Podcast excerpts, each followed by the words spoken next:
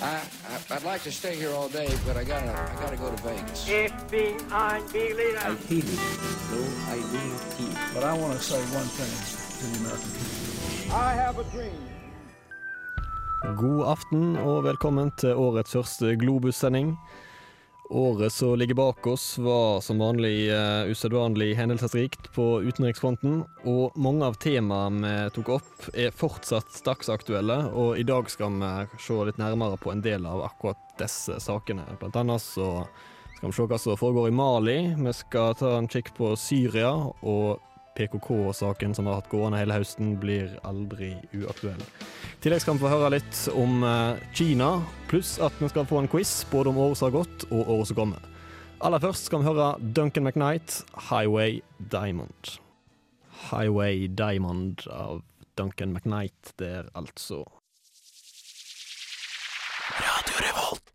Navnet mitt er Åsgeir Kjetland Rabben, og jeg skal være programlederen deres i dag. Og med meg i studio har jeg som vanlig Vanja Trones og Knut Åshammer. Og eh, vi skal som sagt innom, eh, innom eh, ei lang rekke med tema i dag. Eh, men eh, aller først, noe som er helt eh, dagsaktuelt, er jo situasjonen i Mali, som eh, har tatt ei dramatisk vending her nå. Ja, eh, der har det jo vært Jeg Kan jo begynne med det første først. Eh, det var vel et militærkupp i fjor vår. eh, Ledet an av eh, Var et, eh, et eh, folk i Mali, da. Eh, Tuaregene. Sånn ørkenfolk, kalles det vel. De hadde samarbeidet med noen islamister. Ikke noen islamister, noen islamistgrupper. Eh, men det som har skjedd i ettertid, der er at eh, islamistene har drevet ut tuaregene. Um, begge vil ha sin egen stat. Um, nå er Frankrike inne i Mali. Um, islamistene vil ha en sharia-stat. Det vil ikke tuaregene. Ja, uh, ja. Og disse tuareg-opprørerne er jo en del av en bevegelse som har vært aktiv veldig lenge i uh, Vest-Afrika. Det har lenge vært et ønske blant tuareger om en egen stat i området. Men uh, etter at Gaddafi-regimet falt i Libya, så har mange av hans eh, legesoldater, som var tuareger, blitt arbeidsledige, vendt hjem igjen til heimlandet sitt Mali.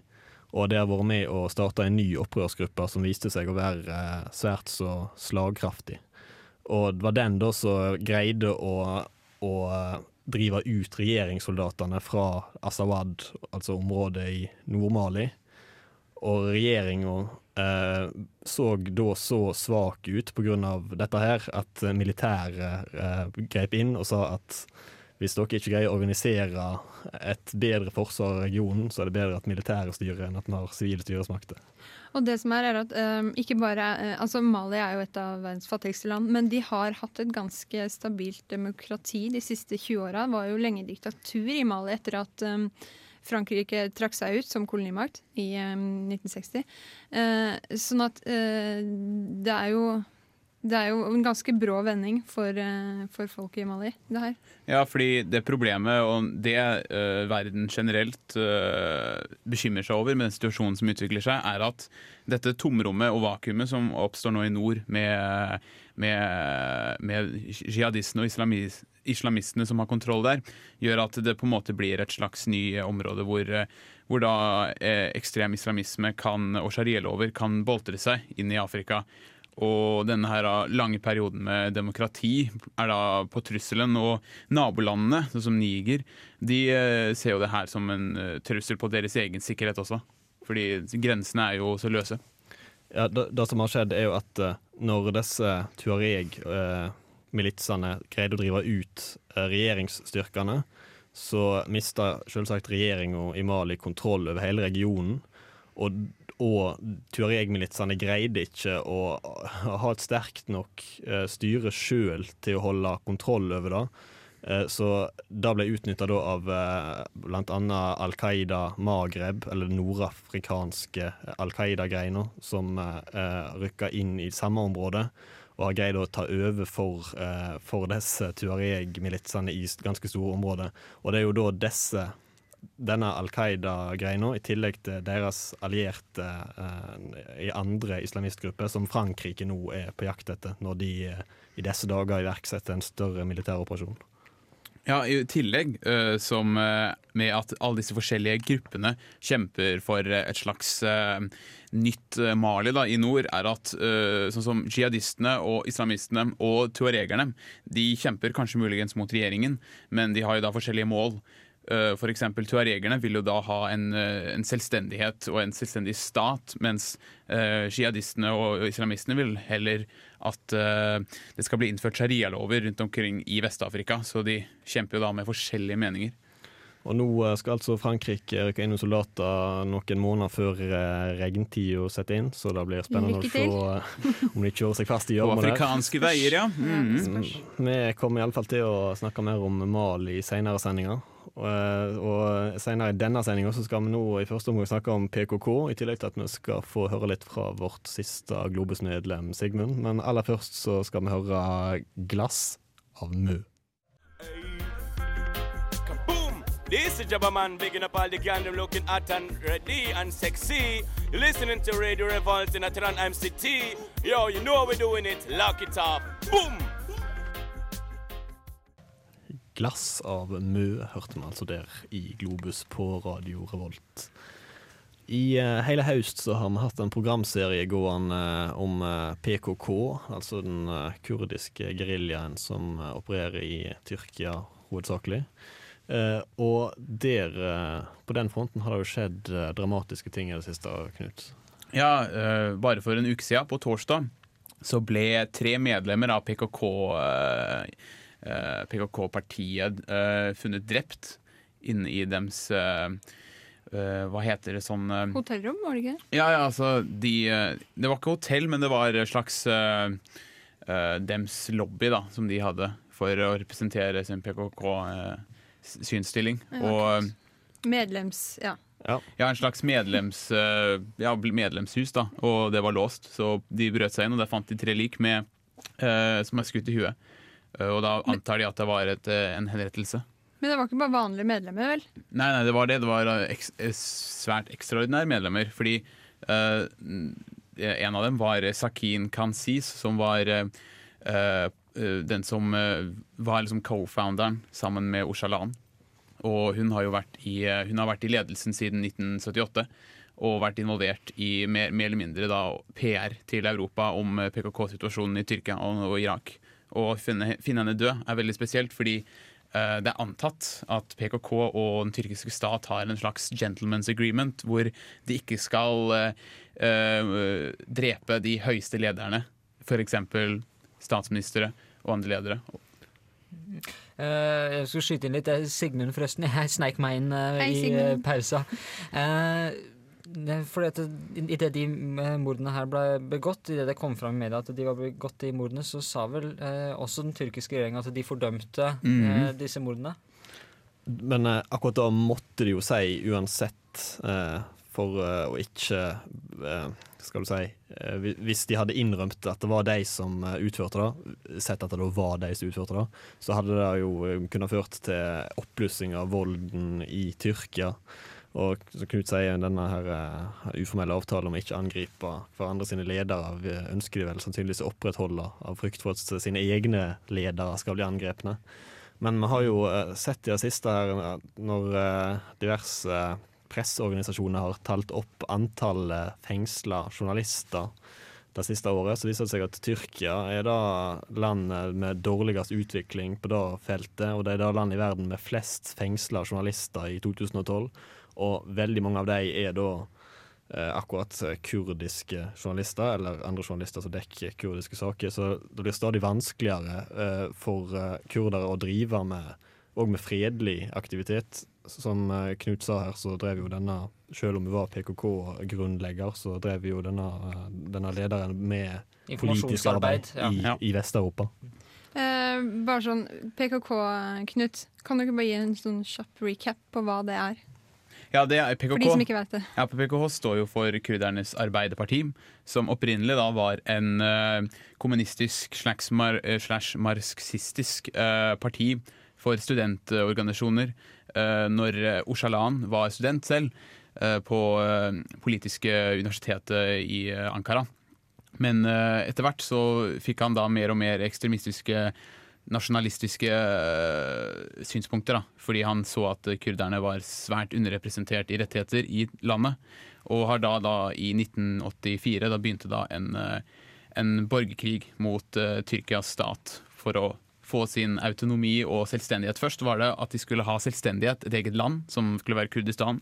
Men nå har de da gått tilbake til å bare ønske full uh, likestilling da, med tyrkerne. Ja, I forbindelse med disse henrettelsene i Paris. uh, hvem er det som liksom er i søkelyset, som kan stå bak det her? Hva slags fiender er det vi, eh, de står overfor? Eh, det som blir sagt, er at det er enkelte som mener at det her er eh, ikke nødvendigvis tyrkiske politikere om tyrkiske staten sånn sett, men snarere tyrkiske generaler. Eh, og jeg har faktisk hørt en teori om at de tyrkiske generalene gikk spesielt etter disse tre kvinnene som drev med ikke-voldelig arbeid, nettopp for å få konflikten til å blusse opp igjen. Men tenk på at ja, Tyrkia har over én million soldater, eh, stående soldater, og de tyrkiske generalene er veldig mektige. Hvis de ikke lenger har en krig å utkjempe, så kan de miste litt makt. Ja, dette har vi jo snakka om tidligere i Globus. eh, om eh, Det pågår jo rettssaker i eh, Tyrkia for tida. Flere hundre rettssaker mot generaler og høyerestående offiserer som er anklaga for å, eh, for å eh, skape en situasjon der militæret skal ha legitim grunn til å ta over makta ved et kupp. Eh, og den planen de hadde, den er, viste seg å ikke være gjennomførbar. Eh, Den det de i alle fall er anklaga for, er å prøve å framprovosere en konflikt med Hellas, men det virker, virker ikke sannsynlig at de skal få til i våre dager. Eh, Mens, som du sier, dette her er kanskje en mer en enklere måte å skape stor intern uro i, der en general kanskje kan stå fram og eh, gjenskape stabilitet. For generalene og militæret i Tyrkia har mista veldig mye av den veldig store innflytelsen de har hatt helt siden opprettelsen av den tyrkiske staten etter første verdenskrig. I tillegg da, så er det en annen teori på hvem som kan ha gjort det, er at det muligens har vært eh, noen da, av de mest hardbanka kurderne selv innenfor PKK. Fordi det er, eh, det er eh, splittelser innenfor PKK selv på hva planen videre er for å få mest suksess i deres budskap. Og noen da mener jo da at eh, det å forhandle med den tyrkiske, tyrkiske staten er da bare å finne kompromisser som ikke vil tjene dem noe godt i hele tatt. Og derfor har de da faktisk sabotert sine egne. Det er noen som da spekulerer for å drive, videre drive krigføring istedenfor åpen forhandling. Mm. Og, og denne situasjonen i det hele tatt er litt usikker for tida når det gjelder PKK si stilling, eh, sine mål. Når du ser på hva som foregår i Syria. Eh, PKK kan du si, avventer i alle fall og ser hvordan da krigen i Syria ender. For, for øyeblikket så er det eh, områder i Syria som i praksis er selvstyrte av kurdiske opprørsbevegelser. I et maktvakuum i nordøst spesielt. Mm. Vi skal prate litt om Syria etter hvert i sendinga, skal vi ikke det? Det skal vi. Mm. Vi kommer tilbake til det. Mm. Men eh, før den tid så skal vi ha en quiz som Vanja har eh, skrudd sammen. Men aller først så skal vi få lov å høre Osk med vind. Hei, det her er Josten Pedersen på Radio Revolt. Radio Revolt, 12 points. Osk spilte eh, Wind for oss der. Eh, og nå har vi kommet til den omtalte quizen som Vanja har laga. Ja, er dere spent? Mm. Ja, jeg prøvde å sette sammen en quiz. Jeg begynte jo som en sånn eh, Nå skal jeg lage en quiz om 2012, året som har vært. Eh, men så var det mye morsommere å lage en quiz om 2013, egentlig. ok. Ja, men så jeg delte den i to, da. Eh, 2012-ish og 2013-ish. Så det blir to deler. Så det blir en som handler om hva vi har fått med oss, en som vi skal Ja. prøve å spå. Forhåpentligvis. eh, så um, da tenkte jeg det at um, hvis eh, den som har det rette svaret, den som sier det først, får få poeng. Så gjør vi det så enkelt. Um, Kribler hvis, man, det i beina. hvis man trenger hint, så trenger man hint. Men eh, jeg tror bare vi setter i gang med en aldri så liten fanfare. Quiz. Da begynner vi. Året som har gått, det var altså 2012. Etter vår eh, kalender. Eh, det var også Det var også eh, Altså, hva slags år var det i den kinesiske kalenderen? Det er vel første spørsmålet. Ja, den er jo, det, det er i hvert fall ikke oppe i Er det bare 2000. å rope ut dyrenavn, dere? Ja, er det dragens år som eh, vi har Oskar, poeng. Da var det dragens år, ja. Det var dragens år. ja. Jeg kan jo, f jeg kan jo følge opp med et uh, Det er derfor kineserne har vært så aggressive i år. Ja. Ja. Ja, men uh, Sigmund, hvilket år er det i år?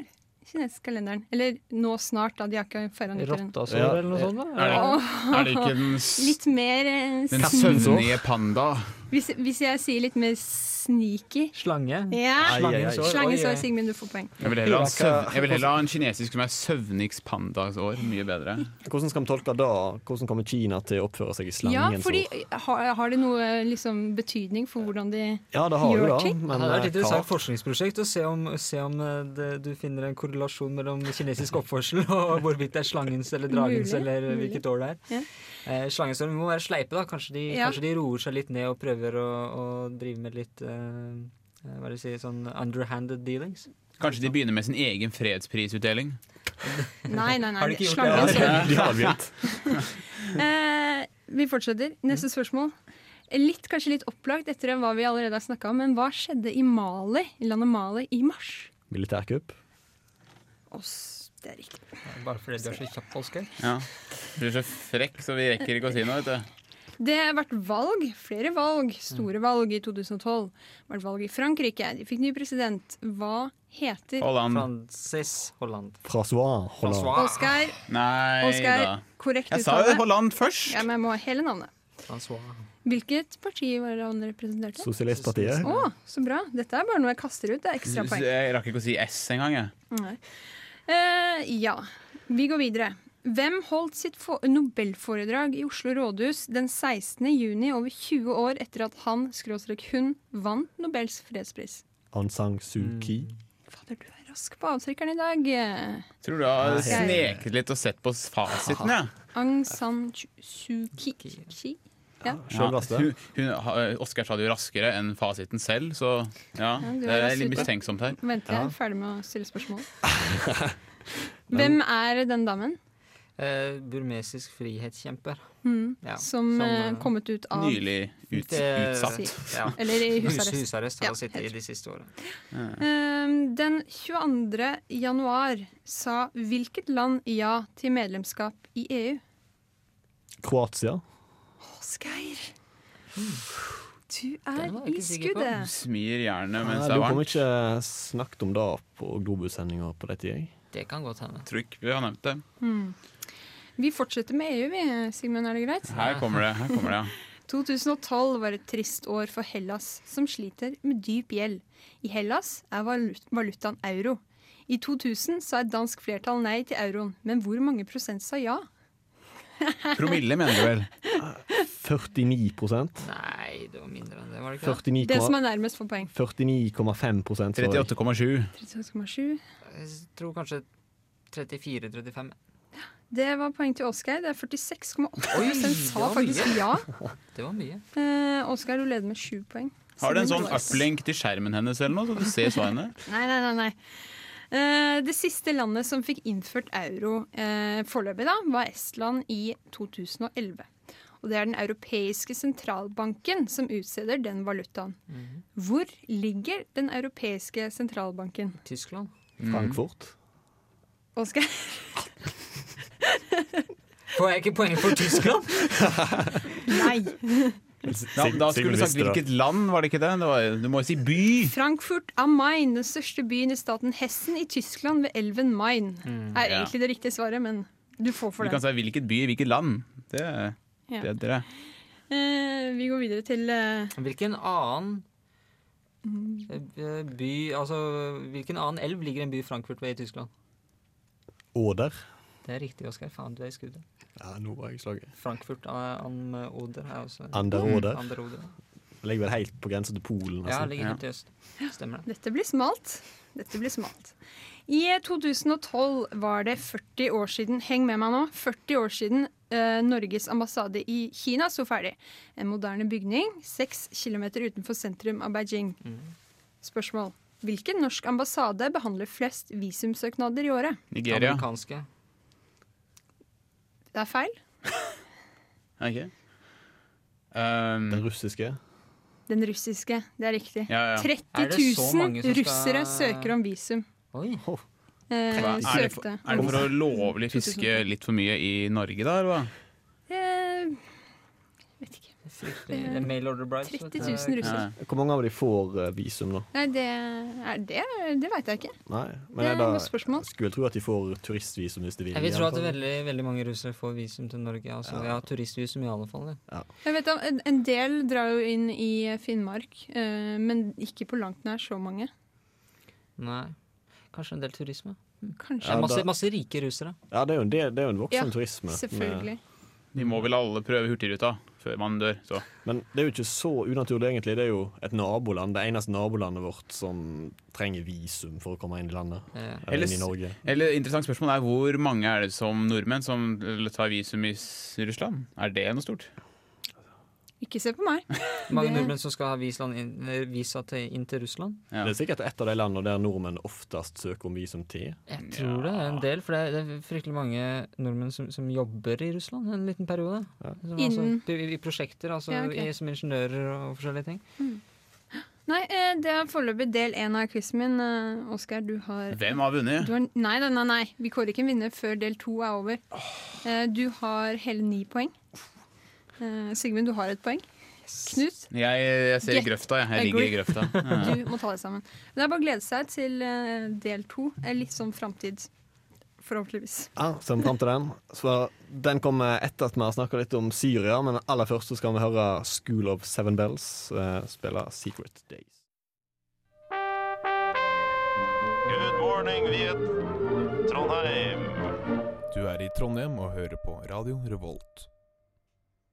Secret Days av School of Seven Bells. Det er altså eh, Syria, som vi har snakka om tidligere her i Globus. Vi har vel snakka om Syria altfor mange ganger, kan vi vel egentlig si.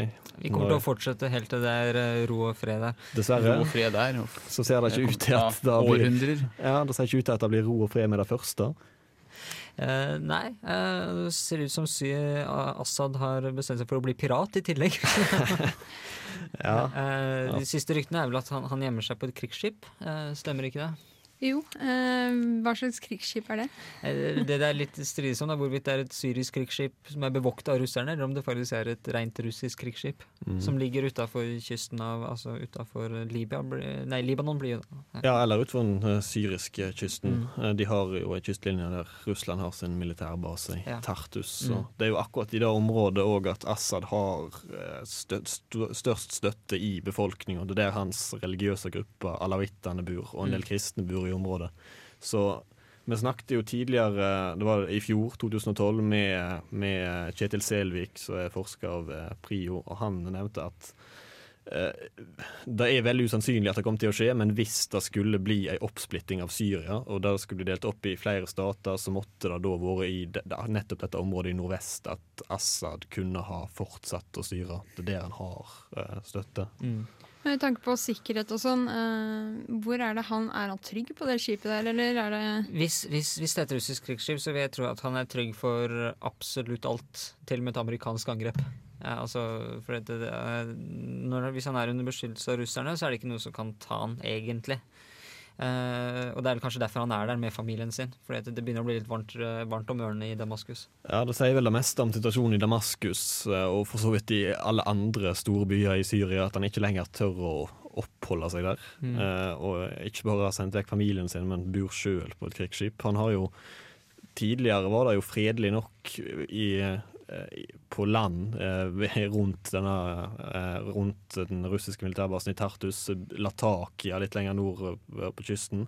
Fjellområdet der var rolig nok til at det ikke var spesielt stor fare for Assad eh, å oppholde seg der, men i det siste så har det begynt å De sunnimuslimene som faktisk bor i området, har begynt å, å trekke til opprørsgruppene, i tillegg til at eh, Selvsagt, Opprørerne tar jo over større og større områder som ligger nært inntil nettopp dette området i nordvest.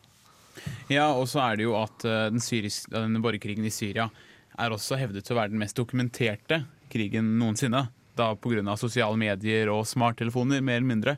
Fordi eh, da vanlige sivile og opprørerne har da brukt smarttelefonen sin, eh, YouTube og andre medier da, til å, til å eh, til å dokumentere hva som har skjedd og krigshandlingene. Og det er jo noe som ville vært veldig aktuelt for eh, fremtidige domstoler da, til å bruke som bevismateriale mot Assad. Eh, Det er jo snakk om nå at han også Hvis, hvis han opp, eh, oppholder seg på et russisk krigsskip, så er det sannsynlig at han kommer til å få russisk amnesti, altså og asyl, da, opphold i, i Russland.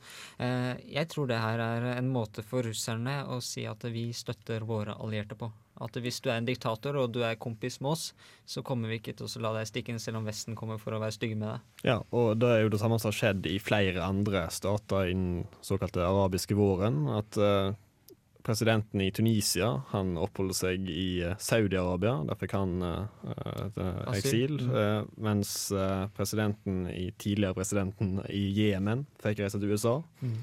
Mens da Russland sin allierte i Syria, eller Bashar al-Assad, han får eh, da muligens eh, tilhold der. Så de trekker til sine allierte når det blir for hett rundt ørene på dem. Og hvis Assad skulle forlate landet, da vender han vel neppe tilbake. Nei, antageligvis ikke. Det ville han- vært, eh, vært litt for vanskelig. Ja, for hvis, han, hvis han ikke blir satt i eksil, så blir han vel byssegutt på båten. Det er vel det beste han kan få. Det det som i alle fall er sikkert, er at landet er i ferd med å bli fullstendig ødelagt. Og uansett hvordan krigen ender, så kommer jo forholdet mellom eh, folkegruppene eller de religiøse gruppene til å være så dårlig at Det, det er kanskje det jævligste med, med hele situasjonen, for å bruke litt sterkt ord. Da, at du, du har eh, et, eh, et land hvor det vil Til og med om du deler opp Syria eh, i stater, sånn at hver enkelt folkegruppe får sin egen stat, så vil du nesten nødvendigvis havne i en situasjon hvor de uh, iallfall vi holder på med, med raid, altså angrep over grensen, sånn små, småplyndring og litt forskjellige ting. For dette, det er så utrolig mye hatt mm. mellom, mellom disse etniske gruppene. Og i storbyene, Damaskus og Aleppo, der bor jo alle folkegruppene samla. Det ser helt håpløst ut. Og det som er så synd ved siden av det store folketapet, både i disse konfliktene her og eh, i Mali også, det er eh, det tapet av eh, verdensarv, da. Som eh, raseres. Bygninger, markeder, templer, kirker og moskeer og alt mulig sånn gammelt, gammelt som blir rasert i, uh, med bomber og alt mulig Du sånt. tenker, tenker spesielt på det markedet som, i Aleppo Ja. som ble ødelagt? Eller, Mm. eller i Timbuktu, hvor det Timbuktu i Mali og det markedet, ja. Nettopp. Selvfølgelig. Ja, det er bygninger og byer som har stått i hundrevis, kan nesten si tusenvis av år i enkelte tilfeller, men som eh, så har overlevd, men som i våre dager ble ødelagt. Det er så tragisk som det kan få blitt. mm. Men, eh, Det er trist, ja. Men konflikten konflikter i Syria da skal vi som sagt eh, garantert komme tilbake til i senere sendinger, men nå må vi videre med Say What You Want med John the Conqueror. Say What You Want av John the Conqueror der, altså. Eh, og denne del to av quizen din, Vanja Ja, som jeg har klart å skrape sammen. Eh, del to er da 2013. Mm, Jeg planlegger å gjøre det bedre. Spådommer! Ja, ja, ikke spådommer. Det er jo ting som skjer, som, jeg kan, som skal skje, som jeg kan spørre om. Som skal skje. Ja, jeg har en spådom, men uh, det får så være. Vi kjører i gang uh, quiz. Kjør fanfare. Quiz! Ta-da! Quiz. Uh. 2013, altså. Um, Slangens år i den kinesiske kalenderen. Mhm. Det vet vi. Da begynner vi. Hvilket land har planer om å skyte opp et romfartøy til månen i 2013? Oh, det vil jeg tro Norge! Jeg Kina. Kina, Må vel være det. Sigmund! Yay! Kina. Oi, Ja, Norge sender opp satellitter. Og, Et romfartøy? Et bemanna, eller bare et uh, fartøy? Det kommer vi til. Eh, neste spørsmål. Vil det være personer om bord? Nei. Nei. Oscar. Nei. Ja, det var jo ren Er, er Kina den nye rom, romfartsnasjonen, eller? De prøver. de prøver eh, Og en ting som er interessant, er at de prøver å skape seg teknologi som gjør at de kan skyte ned amerikanske satellitter. Ah. Også, ikke sant? Og de har jo prøvd på det her. Eh, det er jo Nå blir det inn på science fiction igjen, men det er jo te, altså en teori det at hvis du har såkalt eh, på engelsk orbital control, altså at du kontrollerer eh, altså over atmosfæren, da. Så kan du bevege deg rundt på forskjellige områder på planeten så utrolig fort. Og bombe de så overraskende at du nærmest vil ha, ha eh, kontroll på enhver krig som føres på eh, overflaten. Ja. Til en viss grad det USA driver med nå, når de styrer droner over Pakistan med satellitter. Mm, mm.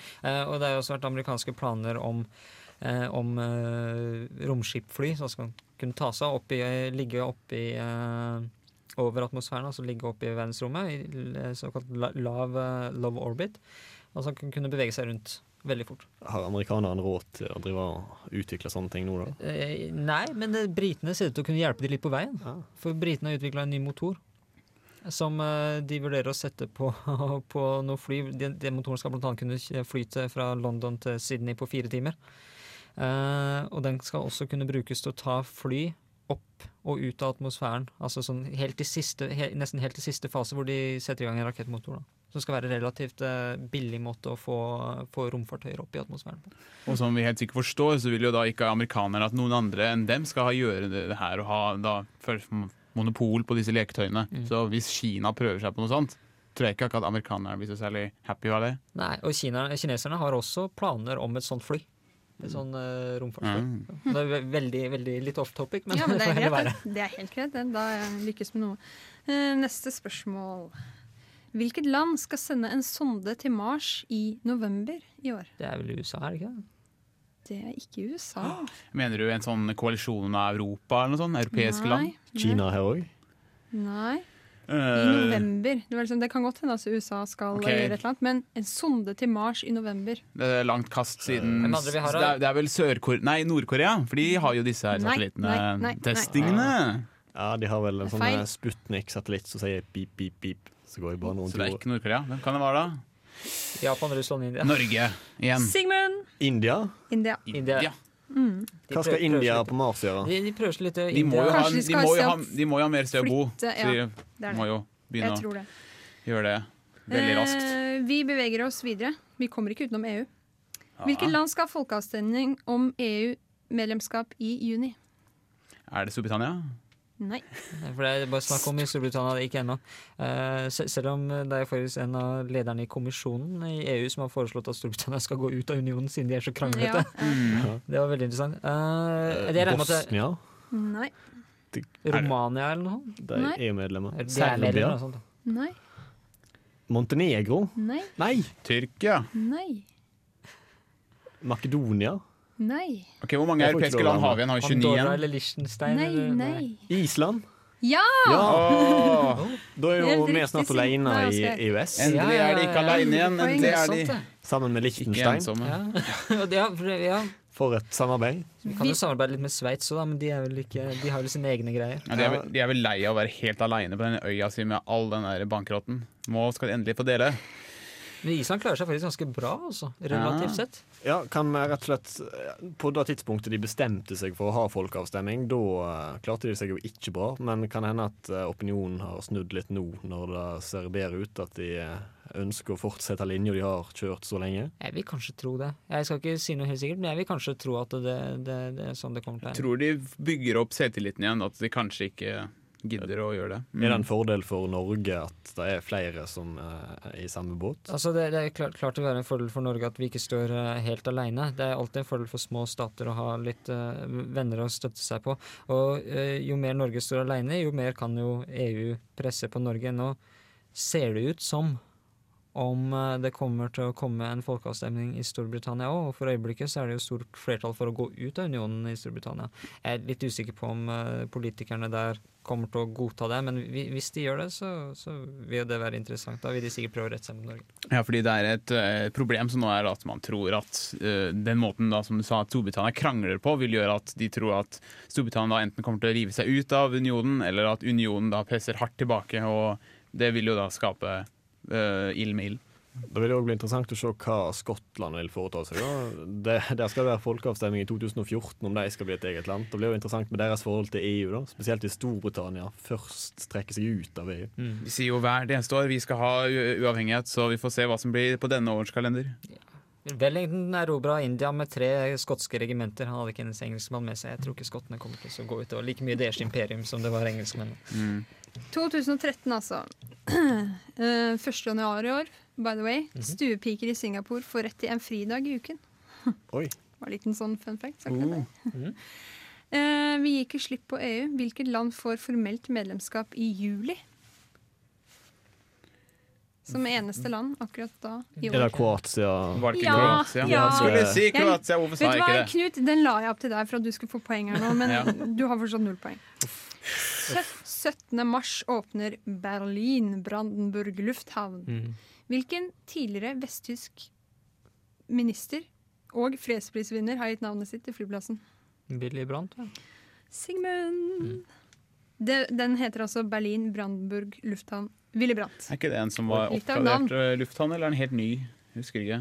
Men det er ikke den gamle, for den gamle er jo midt i Berlin. Den brukes jo ikke lenger. Det er museum, det. Tempelhof, eh, Ja. Hitler sin gamle flyplass. Da Ja. er vel Jeg lurer på om det fortsatt er verdens største bygning målt i grunnflatareal på én etasje. Masse sement. Så terminalbygningen i Tempelhof. Stilig. Hvor mange parkeringsplasser tror du den flyplassen har?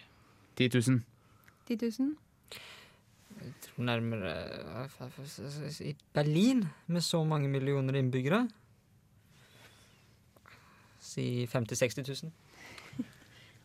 Eh, Ja. Så du får et slingringsmonn på 10 000. Eh, da, svarer jeg Kan si 60 på meg, da. 40. Ja, greit. Svaret er 15 000. et, Et poeng. Hva skjedde i 1913 som var et etterlengtet, bejublet og stort fremskritt av og for kvinner i alle aldre og størrelser og samfunnslag, dog til forargelse for noen herrer? Stemmer rett. Feil. Feil, feil. Likestilling. Feil, feil, feil. Svaret er Mary Phelps Jacob fikk patent på BH-en. Oh. Eh. Den så jeg Når ble ikke. stemmeretten eh, for kvinner innført i Norge, da? Det var ikke Ja, 1913. Ah, ja, ja. Ah, sånt. Neste uke er det valg i Israel. Eh, hvor gammel må du være for å stemme i Israel? 23. Feil, 16? feil, 22. feil, 19. feil. Det er ikke 18, det er det ikke. Det er riktig, Sigmund. Oi, det er Var det et svar? Ja. Nei, det var Det er ikke 18, sa han. Hvem vinner valget? Eh, Netanyahu sin ja. koal- koalisjon. Ja, det er feil. Ben- Nei, uh, jeg tror vi avslutter quizen der. Ja. Uh, Oskar, du hadde en ganske grei Du vant. Takk for det. En score på hvor mye? Altfor mye. Ja, Ah, Tolv poeng. 12 poeng. Men vi hører iallfall uh, kjenningsmelodien vår her, 'Ghost of the Red Cloud'. Betyr at vi er ferdige for i dag. Årets første Globusending er slutt. Jeg fikk et poeng! Woo! Hører dere, håper dere hører på oss eh, neste gang, og så gleder vi oss til da. Veldig. Det gjør vi. Takk for oss.